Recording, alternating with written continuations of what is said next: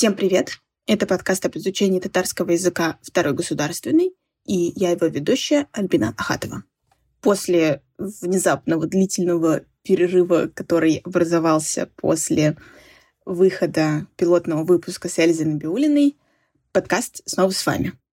Новый выпуск мы записали с доктором социологических наук, заведующей отделом этнологических наук Института истории имени Марджани Академии наук Республики Татарстан Гульнарой Фаатовной Габдрахмановой. Мы поговорили о новых и вспоминающих носителях татарского языка, о мотивациях его изучения и о том, что значит татарский язык в ощущении себя татаркой или татарином.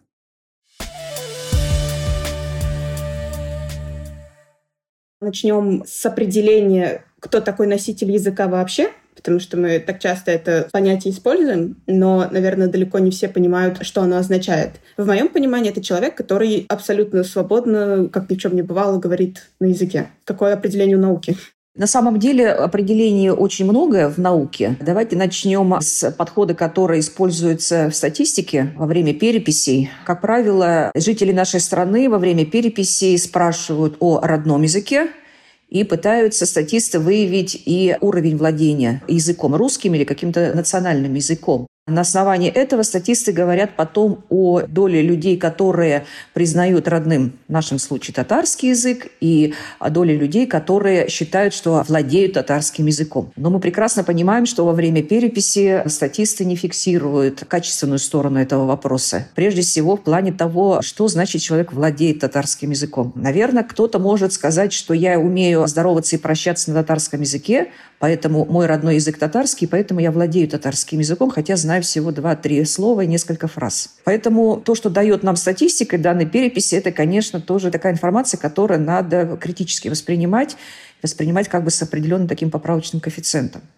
Это первый момент. А второй момент связан с социологической наукой. Я как социолог могу сказать, что во время социологических исследований в нашей стране всегда закладывался вопрос об языках разных национальностей, которые живут в нашей стране. И во время социологических опросов этносоциологи задают тот же самый вопрос, что и статисты, вопрос о родном языке человека. Потом уже на следующих вопросах этносоциологи пытаются понять уровень владения национальным языком. В наших анкетах мы замеряем этот уровень через несколько показателей. Первый показатель это человек говорит о том, что он свободно говорит, читает и пишет на татарском языке. Второй вариант – человек говорит, но читает и пишет с затруднениями. Третий вариант – человек только говорит, Пятый вариант только понимают, и шестой вариант не владеет совсем. И мы, как социологи, не вправе давать какие-то оценочные суждения. И когда мы анализируем данные этого вопроса, мы говорим о том, что сколько процентов среди татар свободно владеют татарским языком, говорят, читают и пишут на этом языке. Сколько процентов татар только умеет говорить или только понимать. И для нас, для социологов, очень важно понять вот это вот разнообразие языковой компетенции среди татар. И мы пытаемся еще проанализировать уровень языковой компетенции среди разных возрастных групп, среди разных поселенческих групп, то есть среди горожан и сельчан, и среди тех, кто живет в самых разных регионах нашей страны. Поэтому я пытаюсь таким образом подчеркнуть, что очень разные мнения в науке есть у представителей самых разных научных дисциплин,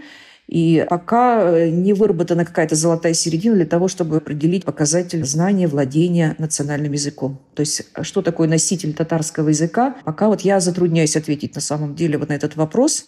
Хотя бы потому, что я как социолог считаю, что это, ну, наверное, в некотором смысле даже и неэтично. Например, если человек только говорит на татарском языке и называть его не носителем татарского языка, ну, это не очень этично, мне кажется. Я как социолог, как ученый все-таки должна видеть и понимать разных таких людей, разных носителей татарского языка. Мне почему-то кажется, что если человек, например, только говорит, но не пишет и не читает, наверное, это логичнее считать его, как бы это неэтично не было, больше носителем, чем тот человек, который только пишет и читает, потому что язык — это в первую очередь говорение же.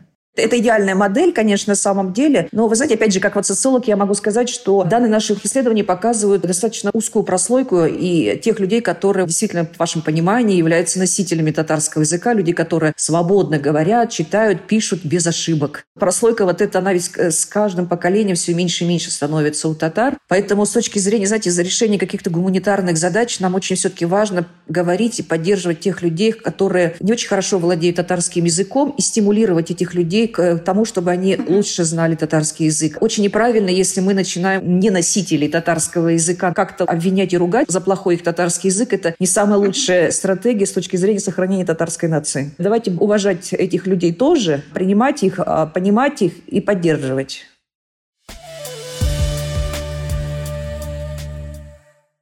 Считается ли носителем языка тот человек, который не татарин, но он выучил татарский язык, или так вышло, что он его знал, например, с детства. Допустим, русский ребенок постоянно общался в среде татар, и вот так вот он татарский знает, и получается он носитель татарского языка. Так бывает вообще, вот если человек выучивает язык там по работе или для возлюбленной или возлюбленного. Я пока готовилась, читала про актера, который русскоязычный русский. И вот он играет в спектакле в театре Тинчурина, а театр Тинчурина — это же татароязычный театр, и он там играет на татарском языке. Получается, это владение языка настолько мощное, что запоминается текст на нем, и не просто запоминается, но и осознается, о чем реплики, чтобы их отыграть. Мы получаем таким образом носителей, Давайте вспомним опыт международных экзаменов по английскому языку, например, IELTS, TOEFL. Там несколько уровней, и самый высокий уровень называется уровень носителя языка. То есть любой человек мира может выучить английский язык и считаться носителем. Почему русский, русскоязычный человек, выучив татарский язык, до вот этого высокого уровня не может считаться носителем языка? Почему? Ну, потому что у нас нет IELTS по татарскому. Да, не потому что там IELTS международная система, а потому что, ну, есть такой как бы критерий. Я хочу сказать, что это вообще принята такая практика для тех людей, которые не родились в англоязычной или в татароязычной, скажем, среде, выучили uh-huh. язык и владеют им на прекрасном совершенном уровне. Почему бы и нет? Какую роль для татар играет владение языком, его э, ношение в осознании себя татарином, в осознании своей национальной идентичности. В интервью изданию «Миллиард татар» вы рассказывали, что большая часть ваших респондентов на вопрос о том, что для них в первую очередь представляет собой татарскость, это владение языком. А потом уже по ходу более подробных расспросов выяснялось, что далеко не все респонденты хорошо владеют языком. Как так вот это противоречие сосуществует? То есть если люди считают, что владение языком — это первый фактор осознания своей национальной идентичности, но при этом они не так хорошо знают язык. Можно ли быть чем татар, не зная татарского языка в таком случае? Я немножко вас поправлю, потому что когда мы в наших исследованиях спрашиваем, через что вы чувствуете татарскость, мы uh-huh. предлагаем несколько вариантов ответов. Один из этих ответов — язык не владение языком, а просто язык. Потом другие ответы – это культура, религия, историческая память, Республика Татарстан и так далее, и так далее. И всегда во всех исследованиях язык, просто язык, подчеркну, выбирают в первую очередь все наши респонденты в самых разных регионах России. Да, действительно, потом мы спрашиваем об уровне владения татарским языком и видим, что владеют языком далеко не все. И когда мы пытаемся объяснить, с чем связано некое такое, на первый взгляд, противоречие, мы понимаем, что когда люди отвечают на вопрос о компонентах этнической идентичности, выбирают язык, они прежде всего думают, и так, наверное, на самом деле есть, думают о том, что татарский язык — это какой-то некий определенный символ. То есть совсем не обязательно им владеть, но по крови, я татарин, у меня по крови татарский язык, и пусть я умею только прощаться и здороваться, и даже этого не делать совсем, может быть, но тем не менее, это главный маркер моего «я», моего этнического «я», язык, татарский язык. Поэтому, вот, когда вот мы начинали наш разговор и говорили о носителях татарского языка, я пыталась подчеркнуть, что очень важно и очень аккуратно разделять и вообще употреблять это слово. Нужно ли вообще употреблять нам слово «носитель» сейчас, я вот думаю. Потому что для большинства татар а мы знаем статистику, высокая доля татар не владеет татарским, но тем не менее татарский язык — это очень важный поддерживающий фактор этнической идентичности. Я всегда думала, что носитель — это человек, который плюс-минус как-то языком владеет, свободно на нем изъясняется в разных формах, пишет или читает или говорит. А когда я готовилась к подкасту, я обнаружила, что носители, оказывается, бывают очень разные, что бывают вот прям носитель-носители, что бывают новые носители. Многие татары сейчас таковыми являются, потому что они выросли с русским языком, а потом пришло осознание, что надо учить родной татарский, они начали его изучать, но уже как второй иностранный. Есть еще вспоминающие носители, и мне кажется, что это тоже очень большая группа людей среди татар. У меня такая же ситуация, что до того, как я пошла в садик, я говорила на татарском. Я пошла в садик, что-то пошло не так. И получается, что сейчас я, когда учу татарский язык, я не совсем новый носитель, потому что что-то же я помню. Тем более, что у меня еще в школе тоже язык на самом деле был просто. Он не присутствовал в моей жизни так же непосредственно, как русский. Вы сказали о тех носителях, которые действительно родились в татароязычной среде и которые потом сохраняют язык. И на самом деле татарский язык у татар все-таки во многом сохраняется благодаря тому, что уровень урбанизации у татар, в принципе, за последние 20-30 лет практически не поменялся. То есть треть татар в Татарстане живет в селе. И это очень хорошая база для воспроизводства татарского языка. Это люди, которые действительно являются классическом понимании носителями татарского языка, воспитывают детей своих в татароязычной среде, ну, по крайней мере, в большинстве случаев. Другая тенденция, которую вот вы сказали, я хотела бы тоже ее прокомментировать, о том, что сегодня, в последнее время особенно, стала проявляться тенденция обращения к татарскому языку тех людей, которые не владели татарским языком или владели им плохо, или те, кто начали вспоминать о татарском языке, как вы говорите. На мой взгляд, сегодня эта тенденция стала активно проявляться и среди молодежи татарской. Я говорю о конкретно каких-то возрастных группах. И если с этой точки зрения смотреть, то все-таки действительно очень мощно такая тенденция стала проявляться. Это обращение молодежи к татарскому языку. Если какое-то время назад мы писали о том, что модно проявлять свою татарскую идентичность, сегодня становится модно владеть татарским языком. Если выражаться молодежным сленгом, это воспринимается как признак крутизны. Это очень круто считается, особенно среди городских татар. И особенно большое уважение вызывают те, кто начинает осваивать, говорить на татарском языке, пусть плохо, пусть с ошибками, но постепенно, постепенно совершенствует свое владение татарским языком. Мы некоторое время назад проводили такое интересное очень социологическое исследование на культурных площадках города Казани. Самые разные площадки выбирали. Это смена, это угол, это штаб, это театры наши, публичные какие-то культурные мероприятия. И использовали метод наблюдений. То есть мы, как социологи, просто заходили вот в эти аудитории и наблюдали, на каких языках говорит молодежь. А поскольку мы это социологи, нас интересовала еще и национальная принадлежность говорящих. И, в общем, очень интересное мы наблюдение тогда получили. Оно заключалось в том, что Сегодня говорить на татарском языке важно не только для татар, но и для русской молодежи. Достаточно вставить одно-два слова в какую-то фразу, это вызывает, конечно, у всех улыбку, как бы, ну, такую очень здоровую, понимающую улыбку, уважительную улыбку. Но для русских ребят очень часто очень, очень важно вот подчеркнуть свое тоже владение татарским языком. Пусть достаточно вот одним словом, двумя словами. Тизряк, тизряк и какие-то вот такие вот слова. Это очень хороший показатель все-таки сохранения татарского языка. И мы, социологи, еще говорим о том, что это хороший показатель благоприятных межэтнических отношений в регионе. Вы знаете, наверняка в советское время татары, когда в общественном транспорте начинали говорить на татарском языке, их одергивали. Говорили, ну что вы там лопочете на каком-то непонятном языке. Сегодня говорить на татарском и вставлять даже даже хотя бы какие-то слова, сегодня уже даже престижно. Это достаточно хороший показатель того, что язык все-таки сохраняется, воспроизводится, есть интерес к нему. Социология показывает во всех регионах страны очень высокий уровень межнациональных отношений. 80 и даже где-то в 90% респондентов оценивают эти межнациональные отношения как благоприятные по всей стране. А то, что есть какие-то проявления бытового национализма, ну, это было, есть и будет, наверное. Тем более, что социологи прекрасно знают, что те, кто говорит и проявляет бытовой национализм, это, как правило, люди не очень высоким уровнем образования.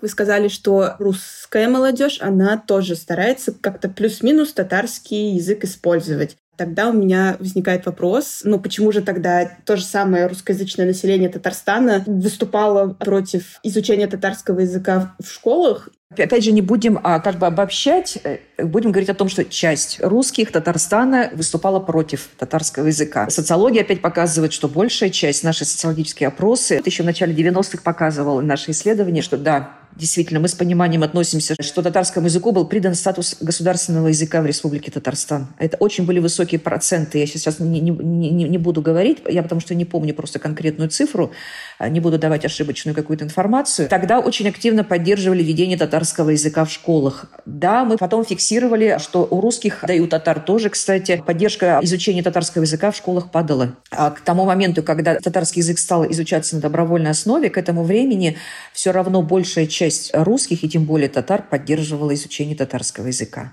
И когда мы проводили интервью и спрашивали, а почему вы поддерживаете татарский язык, а русские нам говорили, вы знаете, мы живем в многонациональном Татарстане, мы с пониманием относимся к чувствам соседнего народа. Мы должны поддержать, помочь ему Кроме того, э, давайте будем учитывать высокий уровень межнациональной брачности в Татарстане в целом. Каждый третий брак – это межнациональный брак. Не обязательно между русскими и татарами, да, но тем не менее там основная часть, конечно, русско-татарских браков. И в таких браках, как правило, супруги, если это гармоничные отношения, стараются все-таки учесть чувства друг друга, в том числе в плане языковых потребностей. Поэтому русский супруг или русская супруга согласны с тем, чтобы ребенок изучал татарский язык, потому что мама, папа, вторая половинка являются татарами. И поэтому говорить о том, что у нас было такое очень активное противодействие изучению татарскому языку со стороны русской общественности, я бы не стала.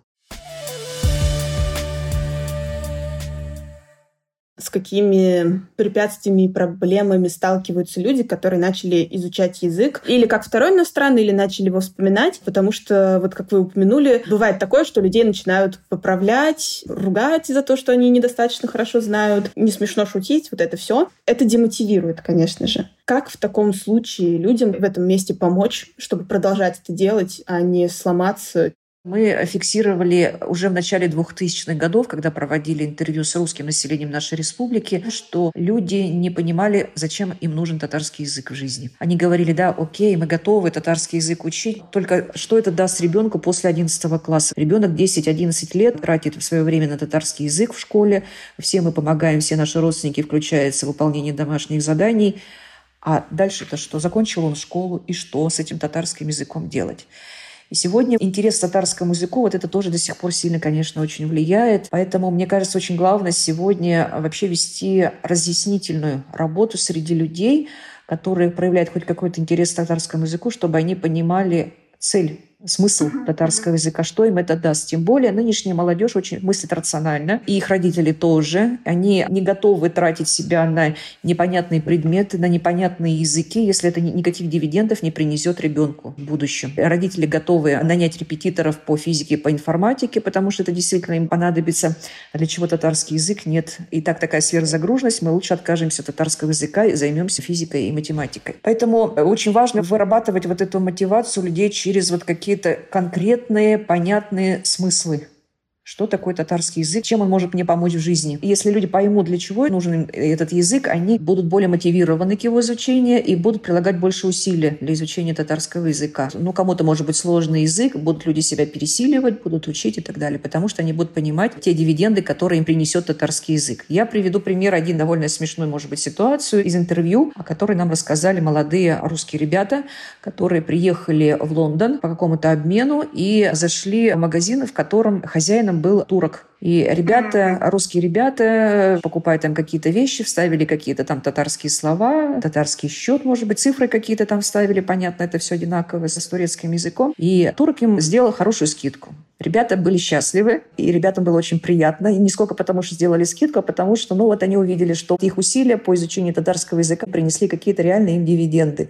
Пусть, ну, не столько материальные, сколько морального удовольствия от того, что они смогли пообщаться с человеком близкой языковой э, культуры. И я это вот говорю к тому, что, еще раз повторюсь, что вот очень важно вырабатывать ясную, понятную, прагматическую мотивацию людей. Это первый момент. Второй момент, о котором мы говорили еще в начале 2000-х годов, о том, что сегодня в школах и, в принципе, для всех людей, которые желают изучать татарский язык, нет адекватных, хороших методик, изучению татарского языка. Не было хороших, адекватных учебников. Я хочу сказать в прошедшем времени, потому что сегодня все-таки для школ уже подготовлено новое поколение учебников совершенно с другими подходами. Нет уже такой сложной грамматики, грамматических заданий, которые были тогда в тех учебниках 90-х годов сложных, которые, конечно, очень сильно отторгали людей от изучения татарского языка. В школах эта проблема, на мой взгляд, в целом сегодня решена, но для тех, кто не связан со школой, формы, приемы, способы изучения татарского языка, их практически нет. Давайте вот так вот. Ну где вот человеку изучить татарский язык?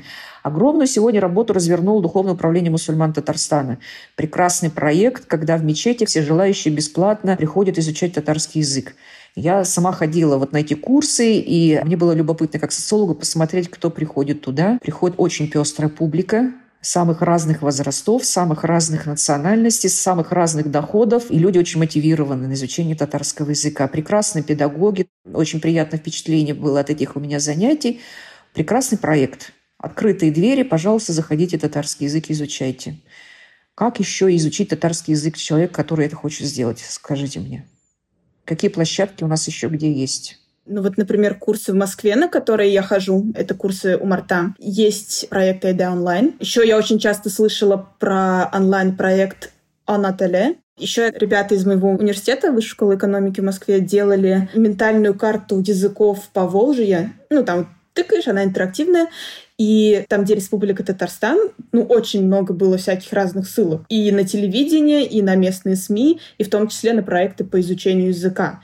Я согласна, сейчас эта работа очень сильно стала развиваться, но это последнее время. В общем, до недавнего времени этих проектов практически не было. И чем больше этих проектов будет, тем лучше. Понятно в Москве, понятно в Татарстане, но татары живут во всех субъектах страны, поэтому очень важно, чтобы эти были проекты везде, были в самых разных формах. Это не только онлайн. Старшему поколению удобнее офлайн заниматься. То есть вот очень важно, чтобы у людей была возможность выбора, как им учить татарский язык. Вы спросили о том, как вот изучать татарский язык через мотивацию и через разные площадки.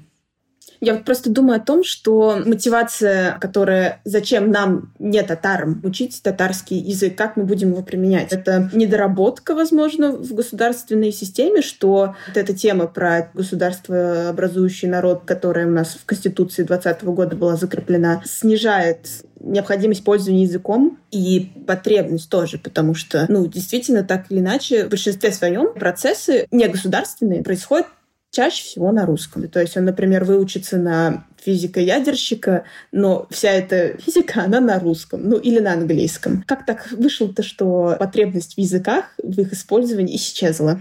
Глобализация, конечно, очень сильно на людей повлияла. Ага. В принципе, это тенденция потери национальных языков во всем мире. Россия здесь не исключение, все наши языки тоже не исключение. Не вспомню эту цифру, но за какой-то период теряется вот такое-то количество языков во всем мире. Это, в общем-то, конечно, ага. очень страшная картина. Вы знаете, я как на все на это смотрю с точки зрения просто вот гражданина, представителя татарской нации. Понятно, кто-то безразличен к национально-языковым вопросам, но те, кто не равнодушен, ну, делать все, что в твоих силах, все, всем, что ты можешь помочь сохранить свой культурный код, сохранить вот это культурное наследие, языковое наследие, это богатство все наше. Мне кажется, это важно. Как многие другие люди, ну не хочу я быть одинаковыми, я хочу быть другой, я хочу быть богатой в языковом плане, в культурном плане. Поэтому будет очень важно, если каждый будет, ну, как-то чуть-чуть, понемножечку, но выполнять как бы свою миссию, гражданскую позицию выражать, придумывать какие-то проекты, говорить в семье с детьми, стараться. Ну, вот понемножечку, если мы каждый будем что-то делать, это будет, наверное, получится какой-то результат должен. И таким образом количество говорящих на татарском языке, может быть, к следующей переписи увеличится.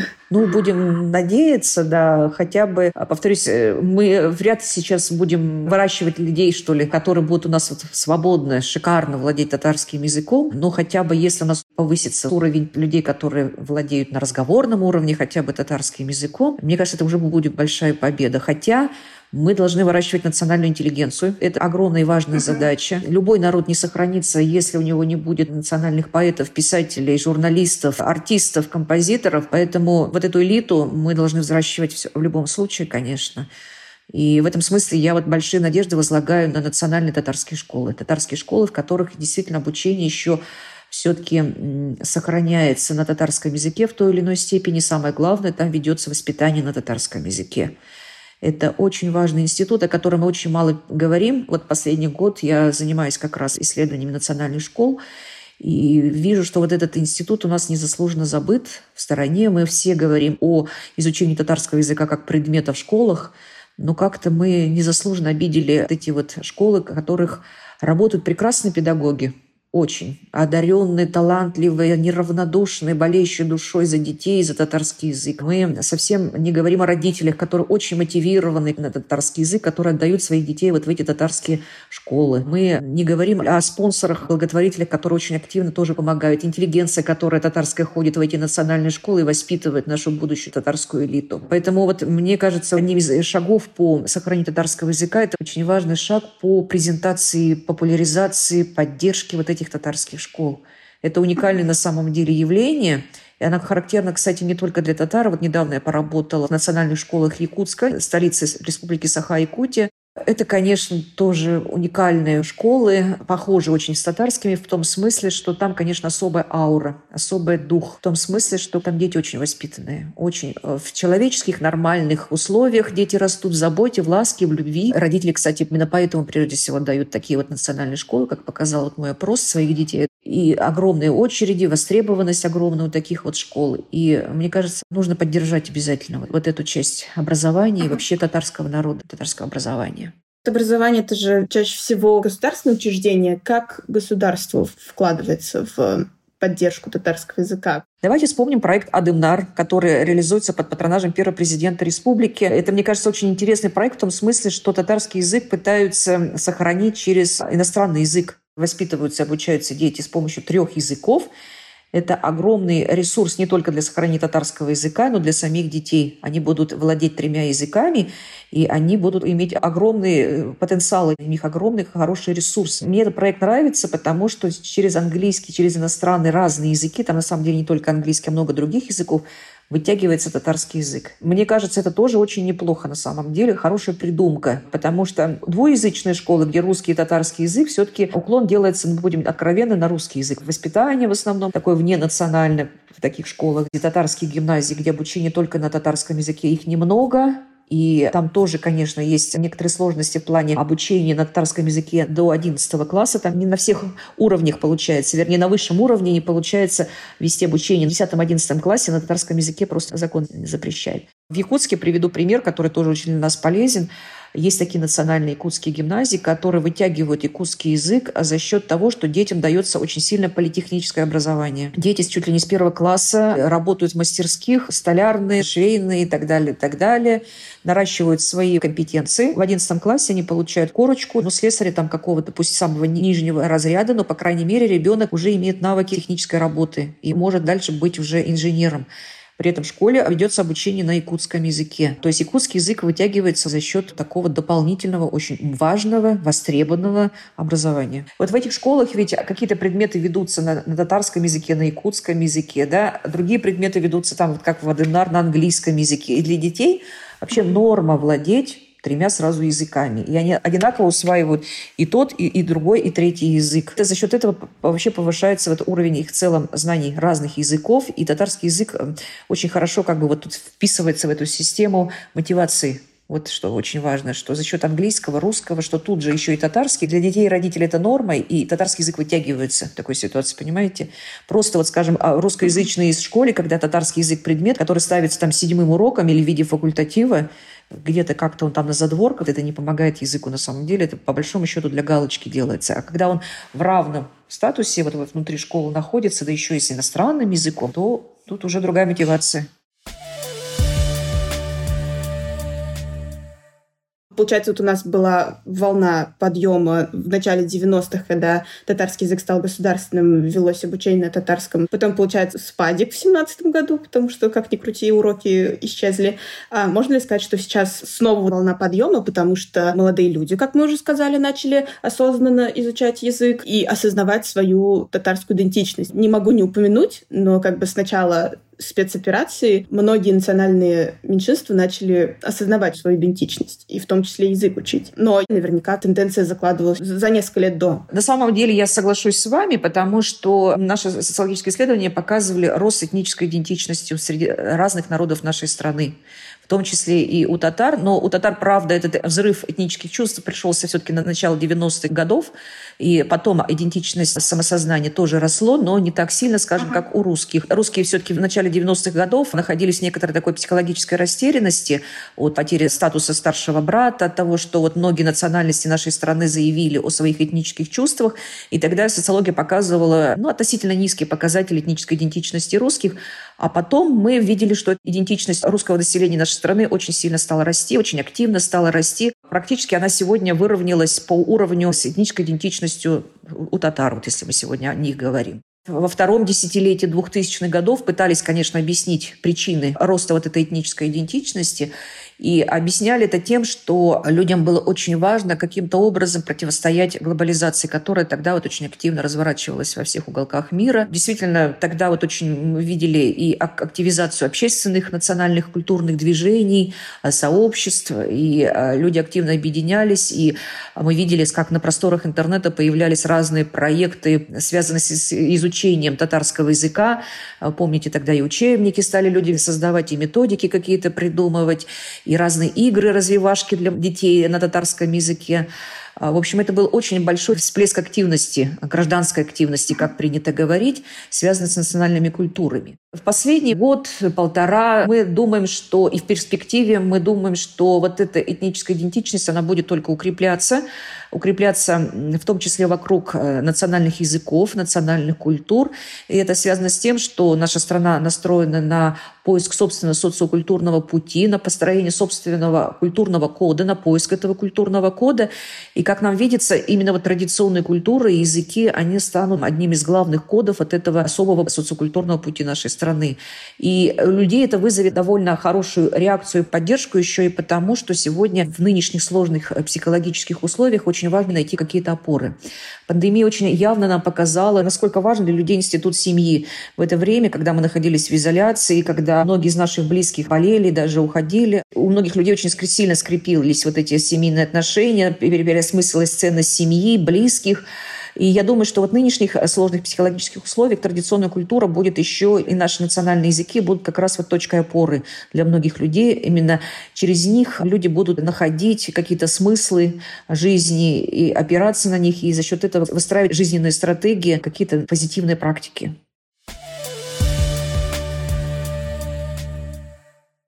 Подписывайтесь на подкаст, чтобы не пропустить версию этого выпуска на татарском языке, которая выйдет через неделю, а также следующий выпуск, который выйдет еще через две недели, в котором я поговорю с людьми, изучающими татарский язык. Мы будем говорить о том, почему они приняли это решение и как вообще им дается процесс изучения татарского языка. Спойлер, это не совсем изучение языка. А пока до скорого, и всем пока. Еще раз большое спасибо, что слушали.